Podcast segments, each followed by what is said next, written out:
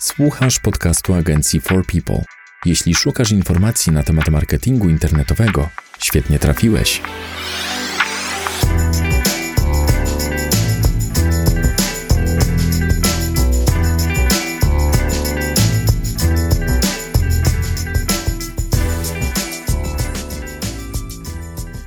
Cześć, dzień dobry. Witamy w 14 odcinku podcastu Katowickiej Agencji Marketingu Internetowego For People. Z tej strony Łukasz Migura i Paweł Pawlak. Tym razem pochylimy się nad tematem pozycjonowania sklepu internetowego od zera.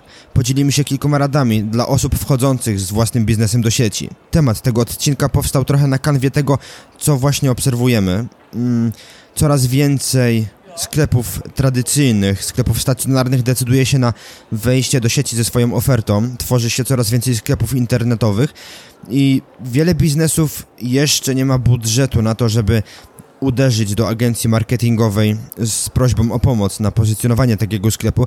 Dlatego postanowiliśmy przygotować taki materiał i powiedzieć właśnie takim osobom, które zaczynają swoją przygodę z internetem, ze sklepem internetowym, żeby wiedzieć nad, nad czym się mają skupić. Może e, właśnie to będzie pierwsze zagadnienie, Paweł. Od czego zacząć?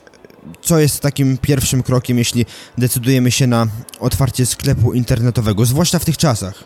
W przypadku pozycjonowania sklepu internetowego, no, najistotniejsze jest przyciągnięcie jak największej liczby użytkowników, którzy ostatecznie doprowadzą do konwersji. Żeby to było możliwe, nasza strona musi być wysoko pod dużą liczbą fraz kluczowych. E, dlatego też w przypadku pozycjonowania sklepu internetowego, moim zdaniem nie warto skupiać się na takich frazach bardzo ogólnych, e, które z jednej strony będą bardzo konkurencyjne i może będą miały dużą liczbę wyszukiwań, natomiast nakład pracy, który będziemy musieli włożyć, nakład finansowy, e, no i czas, który będziemy musieli poświęcić na to, żeby tą widoczność zbudować, będzie nieporównywalnie większy, gdybyśmy się skupili na takich frazach bardziej szczegółowych. Dlatego też tutaj w przypadku sklepów internetowych najlepsze jest takie podejście zawierające dwa elementy. Po pierwsze, skupienie się na całym asortymencie naszych produktów i takim szerokim, szerokim podejściu. Zwłaszcza na początku. Zwłaszcza na, zwłaszcza na początku, tak. To jest takie, można powiedzieć, zarzucenie troszkę sieci. Yy, zarzucamy sieć, licząc na to, że wpadnie mm, no, dużo klientów i może, może rzeczywiście wpadnie dużo użytkowników, natomiast tylko jakiś procent zostanie naszym klientem, więc dobrze by było, żeby tych potencjalnych klientów było jak najwięcej, no bo procent z dużej, nawet niewielki procent z większej liczby będzie, będzie tutaj yy, no, dobrym, dobrym punktem do startu.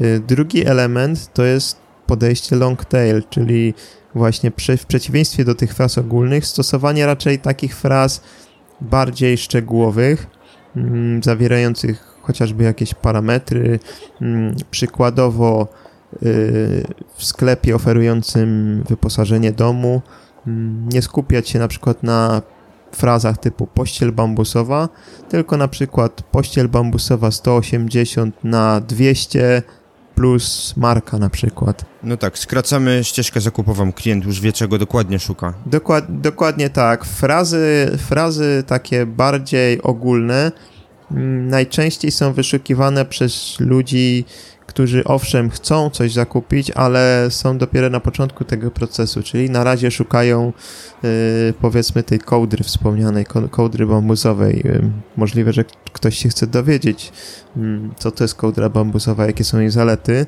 Natomiast osoba, która wpisuje więcej szczegółów, no to już jest osoba, która wie, czego szuka, więc y, ta, ta, to wejście z wyników organicznych do naszego sklepu może się okazać już w zasadzie tą konwersją, czyli mm, już, już nawet nie będzie tutaj udziału tej ścieżki wielokanałowej, ale może być tak, że, że właśnie pierwsze zetknięcie ze sklepem, czyli wejście z wyników organicznych, będzie już tym ostatnim, bo ktoś dokona faktycznie tego zakupu. Trochę takie marzenie. Troszkę takie marzenie, ale wydaje mi się, że właśnie te frazy typu long tail mm, w dużym stopniu właśnie zapewniają to, taką interakcję. No i przede wszystkim y, tutaj jest też coś takiego, że mm, no tak jak wspomniałem, te frazy często charakteryzują się tym, że są mniej konkurencyjne i czasem lepiej jest poświęcić czas na powiedzmy 10-15 fraz kluczowych, które każda z nich będzie miała 15 miesięcznych wyszukiwań, niż na przykład na jednej frazie, która będzie miała 100 wyszukiwań, bo sumarycznie będziemy mieć 150 y, wyszukiwań. Mm, no i, i prawdopodobnie to też będą różne frazy związane na przykład z różnymi produktami, więc te, tych kilku użytkowników może doprowadzić do kilku różnych konwersji. W przypadku jednej frazy to będzie prawdopodobnie no, kilku użytkowników, z których kilku jeden, może dwóch dokona konwersji na, jed, na ten pojedynczy produkt. Także to jest taki, można powiedzieć, efekt skali. Czyli znaleźliśmy frazy i optymalizujemy stronę. Wybraliśmy sobie jakieś słowa kluczowe.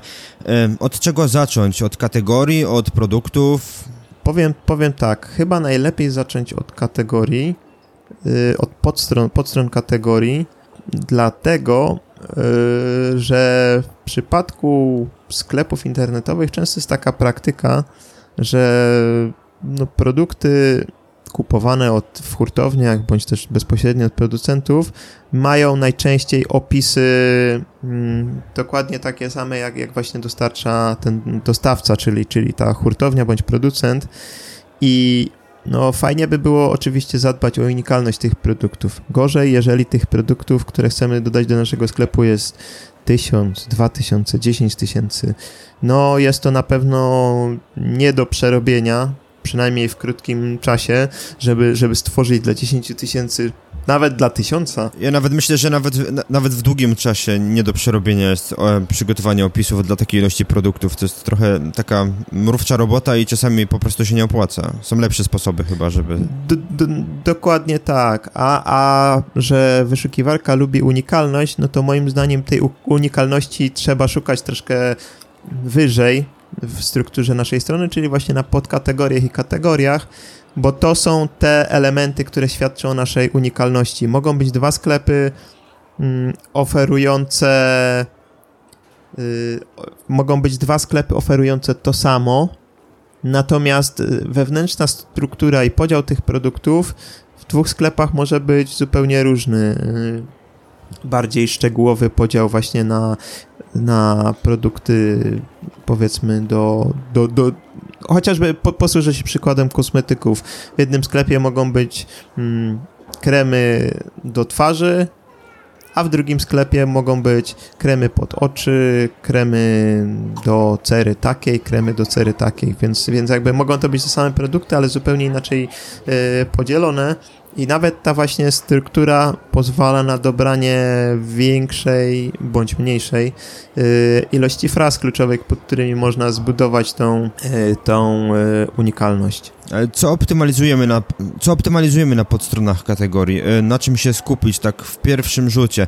Co jest najistotniejsze pod kątem pozycjonowania w, w przypadku sklepu internetowego? W przypadku sklepów internetowych, mm, jeżeli optymalizujemy kategorię, to w zasadzie trzeba się skupić na tych samych elementach, na których się zawsze skupiamy, czyli na titlu, mm, który, który w moim odczuciu najlepiej, żeby był interesującą nas frazą kluczową, ale w liczbie mnogiej, bo najczęściej kategoria zawiera więcej niż jeden z produktów, więc, więc jakby tutaj e, kategorię wykorzystać do optymalizacji podfrazy w liczbie mnogiej. No oczywiście zawrzeć mm, najlepiej nazwę kategorii z frazą kluczową y, w nagłówku H1. Y, oczywiście przygotować odpowiedni opis tej kategorii może, może nie aż tak długi, żeby no, zniechęcił użytkownika do zapoznanie się z samymi produktami, bądź też w ogóle na tyle długi i znajdujący się na samej górze strony, żeby w ogóle przesłonił te produkty i zmusił użytkownika do akcji, ale mimo wszystko dobrze by było, żeby wyszukiwarka dostała dodatkowe potwierdzenie postaci tego tekstu, że po wpisaniu takiego i takiego zapytania użytkownik trafiający na daną stronę właśnie dostanie mm, produkty związane z tą ofertą.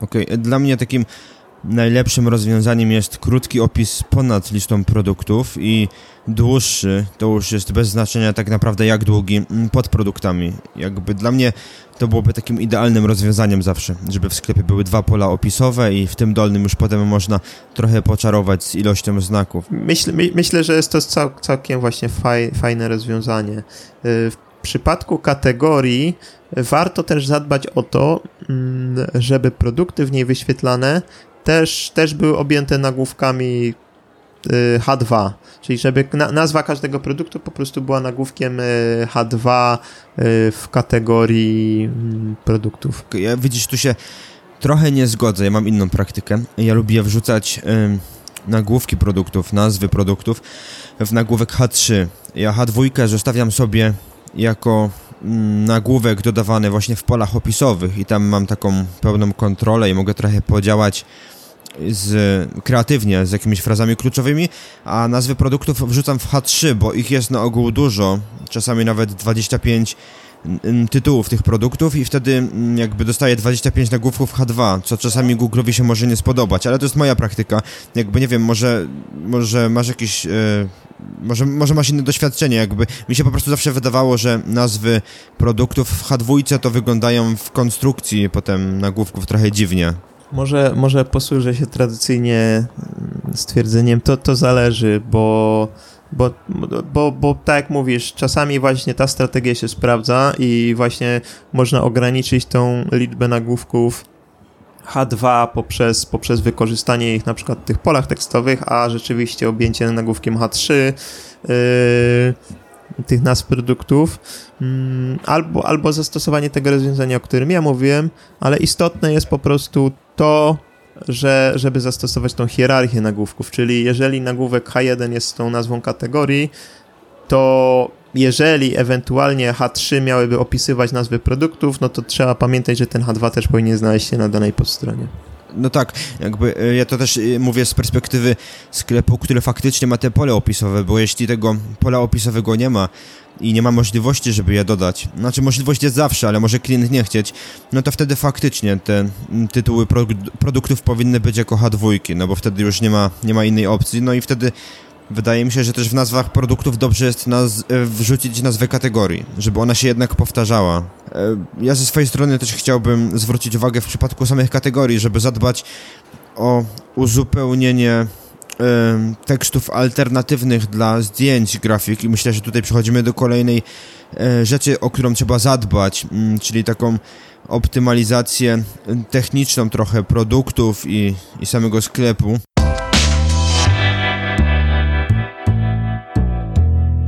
To jest podcast agencji For People, dedykowany przedsiębiorcom i wszystkim miłośnikom marketingu internetowego. Jeśli chodzi o produkty właśnie, to... Yy te, te teksty alternatywne dla grafiki. Tutaj chciałbym zaznaczyć, że ich konstrukcja powinna odrobinę się różnić według mnie na stronach kategorii i na samej stronie produktu. Mm, tak, masz, masz rację. Tutaj mm, jeżeli chodzi o podstrony produktów, to jakby, żeby, żeby właśnie wzaje, nie optymalizować danej, danej, gry, danych elementów w taki sam sposób na dwóch różnych stronach, warto właśnie tutaj rozdzielić, które, które grafiki, y, które grafiki posiadają jakie teksty alternatywne na stronie właśnie kategorii, a jakie na po stronie produktu. Oprócz produktu powiedz mi, jaki jest sposób na walkę y, z konkurencją, zakładając, że pozostałe sklepy też pobierają opisy produktów ze strony producenta. Jak tutaj walczyć właśnie, żeby pokazać się bardziej unikalnie, unikatowo, żeby nasz sklep mm, posiadał jakieś inne treści niż tylko te zaciągnięte ze strony producenta? Jednym ze sposobów, e, w jaki możemy troszkę nadać unikalności takiej po stronie produktów, jest dodanie sekcji e, do interakcji z użytkownikiem, czyli pola z opiniami i zachęcić tutaj do dodawania tych opinii. Z jednej strony oszczędzimy czas, który moglibyśmy poświęcić na dodawanie jakiegoś unikalnego opisu, a z drugiej strony też właśnie jest to, jest to sposób na zwiększenie unikalności, bo z punktu widzenia wyszukiwarki, oprócz tego elementu, który się powtarza na kilku innych stronach, mm, czyli tego opisu produktu, pojawia się jakaś unikalna treść w postaci kilku słów od użytkownika. Ja tutaj chciałbym też dodać drugie rozwiązanie, e, które, na które też mamy wpływ i myślę, że też nie jesteśmy zmuszeni potem do weryfikacji tej treści. E, warto moim zdaniem dodać również takie elementy jak polecane produkty czy dodatkowe produkty z tej samej kategorii i być może zaciągnąć fragmenty opisów tych produktów, żeby zwiększyć ilość treści na tej danej podstronie i zakładam, że właśnie te polecane produkty będą inne niż na stronie konkurencji, przez co już będzie jakaś tam różnica. No ale tak jak mówisz, sekcja komentarzy jest chyba najlepszym wyborem. Jeszcze jeśli, jeśli odpowiednio się opisze przy pomocy mikrodanych, to, to już naprawdę może zrobić fajną robotę, ale to już jest jakby któryś kolejny etap. No a wiadomo, oprócz, oprócz samej sekcji komentarzy, odpowiedni tytuł i myślę, że tutaj tytuły produktów już powinny być tworzone raczej ręcznie, albo przynajmniej automatycznie, ale z takim zamysłem, żeby jednak walczyć już na te, mm, tak jak mówiłeś, frazy z długim ogonem. Tak, istotne jest też zadbanie o to, żeby wewnątrz naszej strony nie pojawiła się kanibalizacja, czyli yy, pojawianie się fra danej frazy kluczowej na kilku lub kilkunastu podstronach, bo wtedy to troszkę zaburza tą widoczność. Wyszukiwarka nie do końca wie, którą podstronę pod daną frazę wyświetlić, więc y, tutaj trzeba właśnie zadbać o to, że jeżeli mamy jakieś produkty, no to też te title i nazwy powinny być w taki sposób konstruowane, żeby no wiadomo, że, że w niektórych przypadkach mm, będzie trudno, bo jakiś element się zawsze będzie powtarzał, ale mimo wszystko, żeby zadbać o tą unikalność, czyli tak jak wspomniałem, jeżeli mamy dwa rodzaje pościeli bambusowej, no to opi y, opisać tutaj pościel bambusowa 160 na 200 albo pościel bambusowa 180 y, na 200 i tutaj mm, to, to powinno troszkę z, z Unii y, stworzyć takie właśnie wrażenie unikalności. Powiedz mi, czyli według Ciebie lepiej stworzyć dwa osobne produkty, mm, jakby mm, skierowane na mm, mniejsze frazy, a nie tworzyć jednego produktu filtrującego i dodawać taki ogólny, dłuższy opis dla tego produktu, zawierając w tym opisie te mniejsze frazy. Bardziej, lepiej posiadać dwa, dwa produkty stworzone pod osobne frazy. Tak naprawdę to zależy też od tego, jaki element ma stanowić wyróżnik tych dwóch produktów, bo jeżeli to miałby być na przykład kolor, to raczej, raczej bym tutaj skupił się na tym, że żeby po prostu przygotować jeden, jedną podstronę produktu z opcjami po prostu kolorów na tej stronie do wyboru. No natomiast jeżeli parametrem jest rozmiar, no to już, już Codera 180 na 200 jest czymś innym niż 160 na 200, prawda? To ro, rozmiarowo są różne, więc ja bym to już potraktował jako dwa osobne produkty. Okej. Okay. Jeśli chodzi o kolory, to też chciałbym dodać, że warto na stronach produktów dać link kanoniczny do takiego głównego adresu, bo często filtrowanie powoduje dodawanie dodatkowych elementów w adresie URL i to może spowodować też jakby próbę indeksacji tych adresów z zawartością filtrów w samym adresie strony i to może być problematyczne, także myślę, że link kanoniczny to jest taki link, który mm, pozwala pokazać wyszukiwarce, który adres jest podstawowy i który należy zaindeksować. Mm, należy umieścić właśnie w stronie, żeby, żeby dać taki sygnał e, robotom wyszukiwarki. E, no a jak już jesteśmy przy tej optymalizacji technicznej samej strony i zagłębiamy się trochę w bardziej takie magiczne strefy, że tak powiem, pozycjonowania. Jakie są jeszcze y, takie kluczowe rzeczy, o których trzeba pamiętać, taki must have, jeśli chodzi o, o tą optymalizację techniczną? W przypadku sklepów internetowych, no i w sumie nie tylko, y, bardzo istotny jest y, SSL, czyli, czyli tutaj musimy zadbać o, o te adresy HTTPS zamiast adresów HTTP. Musimy o to zadbać, ponieważ te certyfikaty SSL zapewniają dodatkowe szyfrowanie podczas przesyłania danych, a wiadomo, w sklepie internetowym dochodzi do przesyłania do sklepu najbardziej drażliwych danych, czyli y, informacji takich jak numer karty płatniczej, bądź numer jakiegoś konta bankowego, mm, no i dodatkowo nasze jakieś dane osobowe. Mm, taki certyfikat y, szyfruje te dane podczas przesyłania, co zabezpiecza przed ich przechwyceniem przez stronę trzecią. I tak jak wspomniałem, obecnie jest to wymóg w zasadzie dla wszystkich stron, ale naj, najistotniejszy jest dla takich stron, które w jakiś sposób od użytkownika w cudzysłowie pobierają dane. Mhm.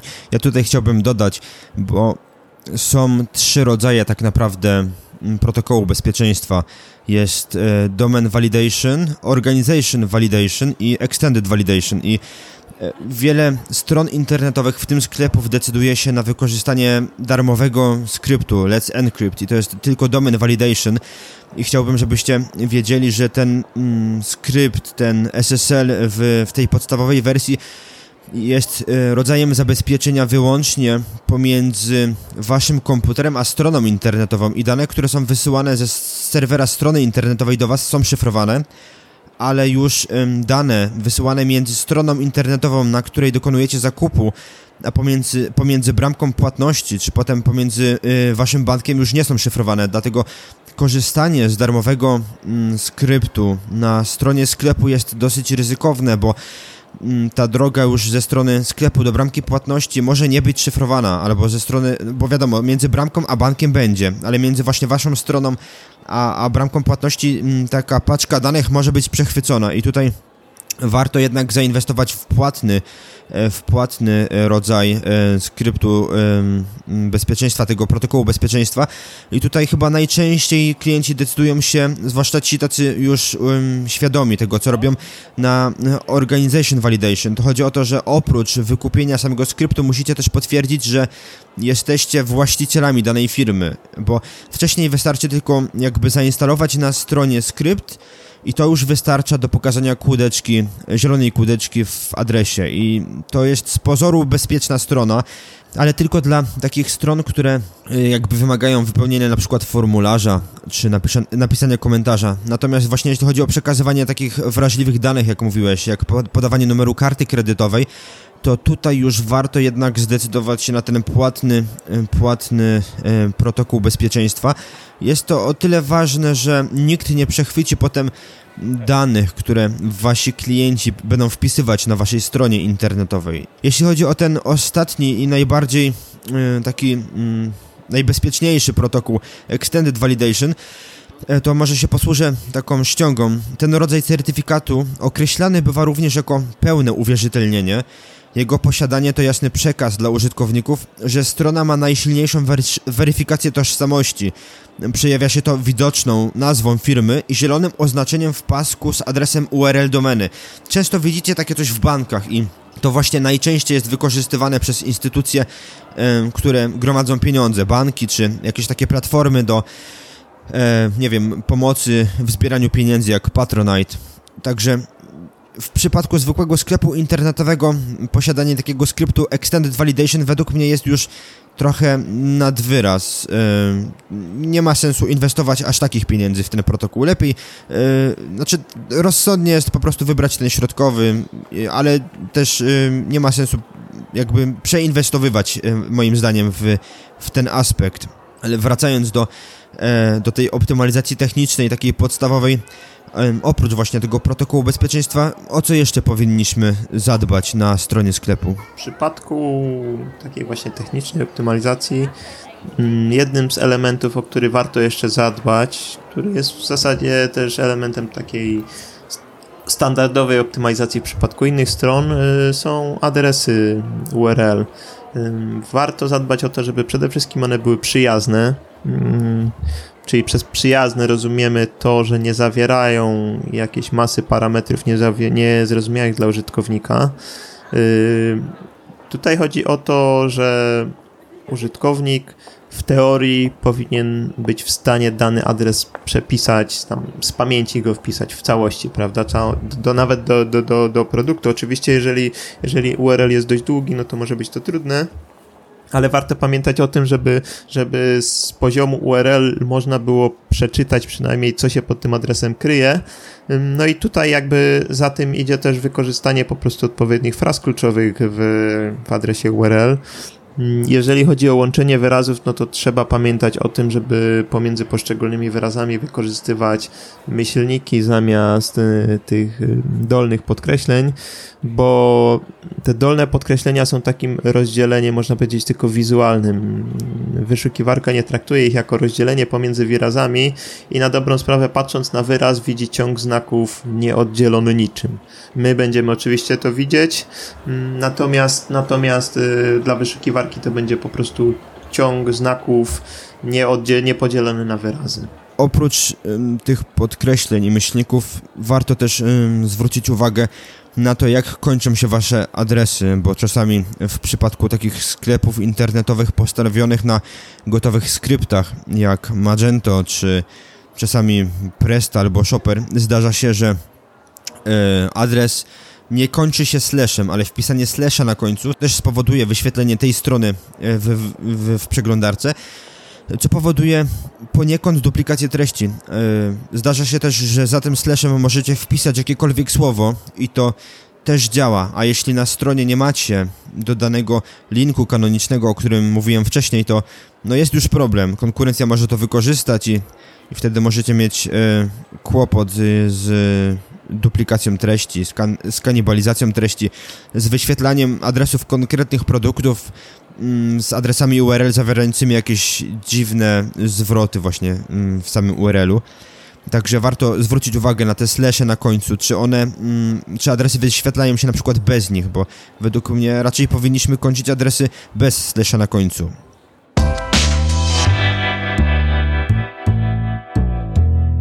To jest podcast agencji marketingu internetowego For People. Masz jakieś jeszcze dodatkowe sugestie co do optymalizacji technicznej samego sklepu? Czy w jakiś sposób można jeszcze mm, poprawić funkcjonalność samej strony? No, przede wszystkim y, wersja mobilna strony. Y, użytkownicy coraz częściej dokonują zakupów siedząc na kanapie i scrollując na telefonie, nawet podczas oglądania telewizji czy, czy czegoś takiego. I no, jakby ten telefon bądź też tablet staje się takim narzędziem coraz częściej zakupu, więc warto zadbać o to, żeby ta strona była dostosowana jak najlepiej do, do urządzeń mobilnych, żeby nie trzeba było nic powiększać dodatkowo samodzielnie, mm, żeby elementy na siebie nie nachodziły, przycisk zakupu był łatwy do przyciśnięcia i tak dalej. Więc wszystkie takie elementy może nie do końca wpływające na, na ranking wyszukiwarki, chociaż, chociaż y, część, część tych elementów, jeżeli jest źle zoptymalizowana, to dostajemy takie powiadomienie w Google Search Console. Natomiast chodzi o takie zadbanie o wygodę użytkownika. Czyli jak już się nam uda tego użytkownika przyciągnąć do naszego sklepu, no to zadbajmy o to, żeby on się nie odbił od naszego sklepu, bo nie jest w stanie na przykład dokonać zakupu. Czyli przechodzimy tak naprawdę do kwestii user experience w naszym sklepie i tego, jak mm, prowadzić użytkownika przez kolejne podstrony. Jak w ogóle powinna wyglądać taka struktura zakupu, struktura procesu zakupu? Jak użytkownik powinien przechodzić przez naszą stronę? Na co zwrócić uwagę w takim przypadku? Nie powinniśmy zmuszać użytkownika do założenia konta w naszym sklepie i dodać taką opcję zakupu jako gość. Mm, ja ze swojego doświadczenia wiem, że mm, właśnie to jest dla mnie najwygodniejsza opcja, bo nie jestem zmuszony, nie jestem przywiązany do jakiegoś sklepu. Mm, I jeżeli chcę tylko raz dokonać danego zakupu, no to, to dokonuję go raz a są sklepy, z których na przykład w których robię zakupy co tydzień i już tam mam swoje konto założone, ale jeżeli to jest sklep, w którym mogę dokonać tego zakupu raz, to też jakby nie chciałbym być przywiązany do tego sklepu, więc to jest y, pierwsza rzecz, mm, niezmuszanie użytkownika do, do zakupu. Y, drugi element to w trakcie tego procesu zakupowego warto, żeby ta ścieżka była jak naj krótsza. Mm, nie zadawajmy użytkownikowi więcej pytań niż jest to konieczne, y, typu nazwisko panieńskie, matki i tak dalej, bo te, też się takie rzeczy czasami zdarzają. E, formularz ma być prosty do wypełnienia, nawet e, w przypadku smartfonów z takiego auto-uzupełnienia, bo, bo takie opcje też są, że po prostu mm, urządzenia mobilne już rozpoznają, które pole jest imieniem, które nazwiskiem i uzupełniają je naszymi danymi, co, co też dodatkowo przyspiesza mm, ten proces zakupowy. Mm, istotne jest też, żeby nie było jakichś tam kilku kroków potwierdzenia e, zakupu. Sam e, wiem, że często jak dokonuję zakupów w sklepach internetowych, do których zaglądam e, regularnie, łapię się na tym, że po tygodniu na przykład nie ma mojego zamówienia. Się zastanawiam dlaczego. Okazuje się, że ja tego zamówienia nie dokonałem, bo był trzeci i czwarty krok potwierdzający, prawda? Trzeci, trzeci potwierdzał, a czwarty powiedzmy zatwierdzał. Przez co, przez co na dobrą sprawę mm, produkty po zalogowaniu się z powrotem na konto lądowały do koszyka i mogłem kontynuować ten proces, ale to był tydzień, który ja straciłem, więc, więc jakby jak najmniej takich kroków. Powiem ci, ja się chyba nie spotkałem z takim klientem. W, w tym, w tym sklepie, w tym sklepie konkretnie jest coś takiego, że pierwszy krok jakby potwierdza dane, czy wszystko się zgadza, a drugi krok potwierdza samo zamówienie, więc troszkę zbędne, bo na dobrą sprawę ten ostatni krok, tak mówię, regularnym jestem klientem, praktycznie co tydzień w tym danym sklepie kupuję, ale zdarzało mi się sytuacje, gdzie po prostu tego ostatniego kroku nie przechodziłem, bo zapominałem po prostu przez roztargnienie czy coś. Więc nawet, nawet znając strukturę danego sklepu, można powiedzieć na przestrzał, Yy, zdarza się to, więc, więc po prostu musimy unikać takich punktów irytacji użytkownika. Yy, też w miarę możliwości mm, wybór metody płatności gdzieś nie, nie traktować je jako osobny krok, tylko możliwie w, w kroku chociażby z wyborem dostawy czy, czy, czy jakimś innym krokiem. To wtedy naprawdę skróci ten proces zakupowy do tych kilku niezbędnych kroków, no i tak wspomniałem, nie zirytuje tego potencjalnego klienta i nie będziemy mieć na przykład mm, częstych porzuceń koszyka. Ja ze swojej strony mogę też odnieść się do istotności kolor kolorystyki samej strony i oznaczenia odpowiednich przycisków właściwymi kolorami. Wiem, że mm, takie duże platformy mm, zakupowe jak Allegro czy OLX idą w pomarańcz. Jest to kolor wzywający do działania i bardzo często właśnie to w kolorze pomarańczowym y, umieszcza się przyciski, właśnie przyciski dodające mm, produkty do koszyka są często pomarańczowe. Wiem, że e, też z, jakby z automatu y, taką kolorystykę oferował kiedyś Shopper. Y, także no, jest to jakby poniekąd efekt badań, które się mm, prowadziło w tej branży i pomarańcz się sprawdzał. Jeśli chodzi o finalizację zakupu, to często ten przycisk jest zielony. Ja sam kiedyś testowałem kolorystykę, czy czy ta zieleń e, się sprawdza i jest jakieś, e, jest jakieś e, powiązanie właśnie pomiędzy kolorystyką samych przycisków, dodawania do koszyka, czy realizacji zakupu, czy tam anulowania na przykład czerwony przycisk, a, a, a decyzjami użytkowników.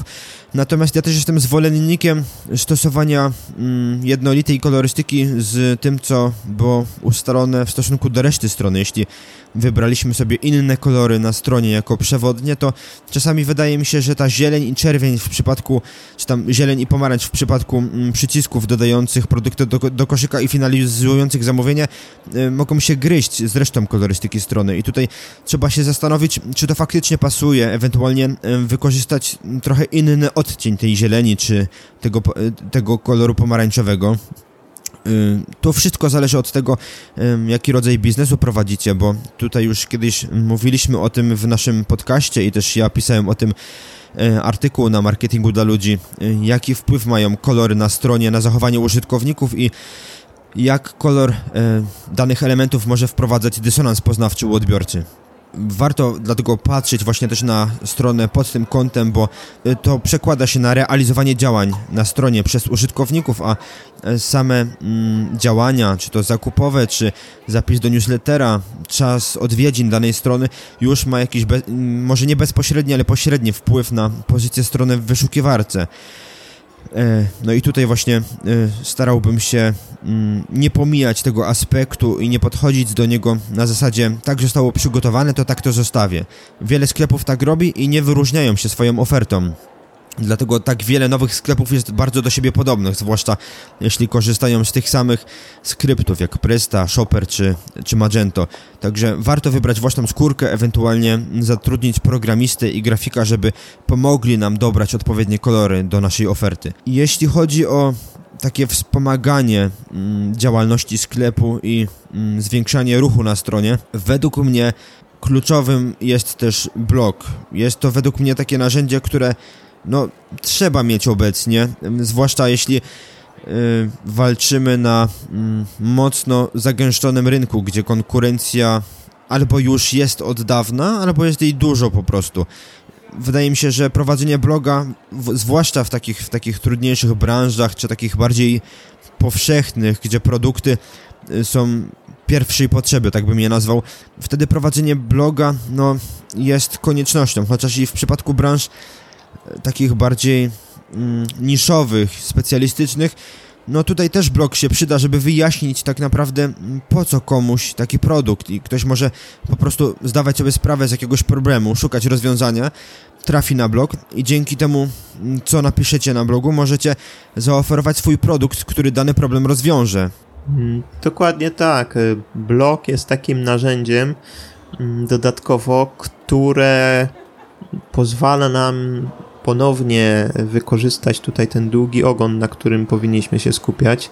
Mm, I dzięki właśnie wpisom blogowym możemy zdobyć widoczność w wynikach wyszukiwania na takie frazy jak y, produkt plus co to, y, produkt plus y, jak, jaki, produkt plus jak wykorzystać, czy, czy różnego rodzaju takie frazy, można powiedzieć, które są bardziej właśnie takie mające na celu zdobycie jakiejś wiedzy, ale przez odpowiednią konstrukcję tego wpisu blogowego możemy też jakby skrócić tą drogę i od, od zainteresowania informacją przejść od razu do zakupu, jak chociażby Y, podlinkować odpowiednie produkty w tym wpisie blogowym, bądź też mm, dodać jakąś karuzelę z produktami związanymi z danym wpisem.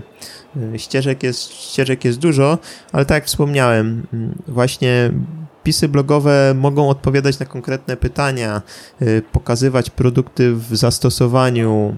Mm, nawet takie praktyki są często że można tworzyć zestawienie w konkurencji ze sobą. Mm, I nie mówię tutaj o jakimś tam negatywnym opisywaniu konkurencji, ale po prostu wykorzystaniu tego, że, że w naszym zestawieniu się pojawi jakieś, y, jakaś nasza konkurencja. Mm, bo y, Google też, też może dobrze na to zareagować, jeżeli ktoś wpisze na przykład zestawienie takich i takich y, firm, to czy takich i takich produktów, mm, to istnieje szansa, że nasza strona się wyświetli i w ten sposób y, użytkownik przeklika się z serpów do, do naszej strony. Ja myślę, że to tyle, jeśli chodzi o takie podstawowe rady dotyczące pozycjonowania i reklamowania y, sklepu internetowego, zwłaszcza nowego w wyszukiwarce. Mam nadzieję, że odpowiedzieliśmy choć na część pytań, które Was nurtują, nurtowały, albo będą nurtować, jeśli zdecydujecie się otworzyć sklep internetowy. Jeśli uważacie, że macie budżet na to, żeby ktoś, kto zajmuje się tym zawodowo, pomógł Wam pozycjonować sklep, to zapraszamy do nas. A jeśli nie, to mamy nadzieję, że chociaż dzięki tym kilku radom będziecie w stanie choć odrobinę mm, rozreklamować własny sklep i utrzymać się na rynku. Za uwagę dziękuję Łukasz Migura i Paweł Pawlak. Do usłyszenia następnym razem. Trzymajcie się i powodzenia. Cześć. To był podcast agencji marketingu internetowego For People. Dziękujemy za uwagę. Wolisz czytać niż słuchać? Zapraszamy na stronę naszego bloga marketingdlaludzi.pl. A jeśli potrzebujesz pomocy z promocją firmy w internecie, odwiedź naszą stronę forpeople.pl. Zapraszamy do wysłuchania następnych odcinków. Do usłyszenia.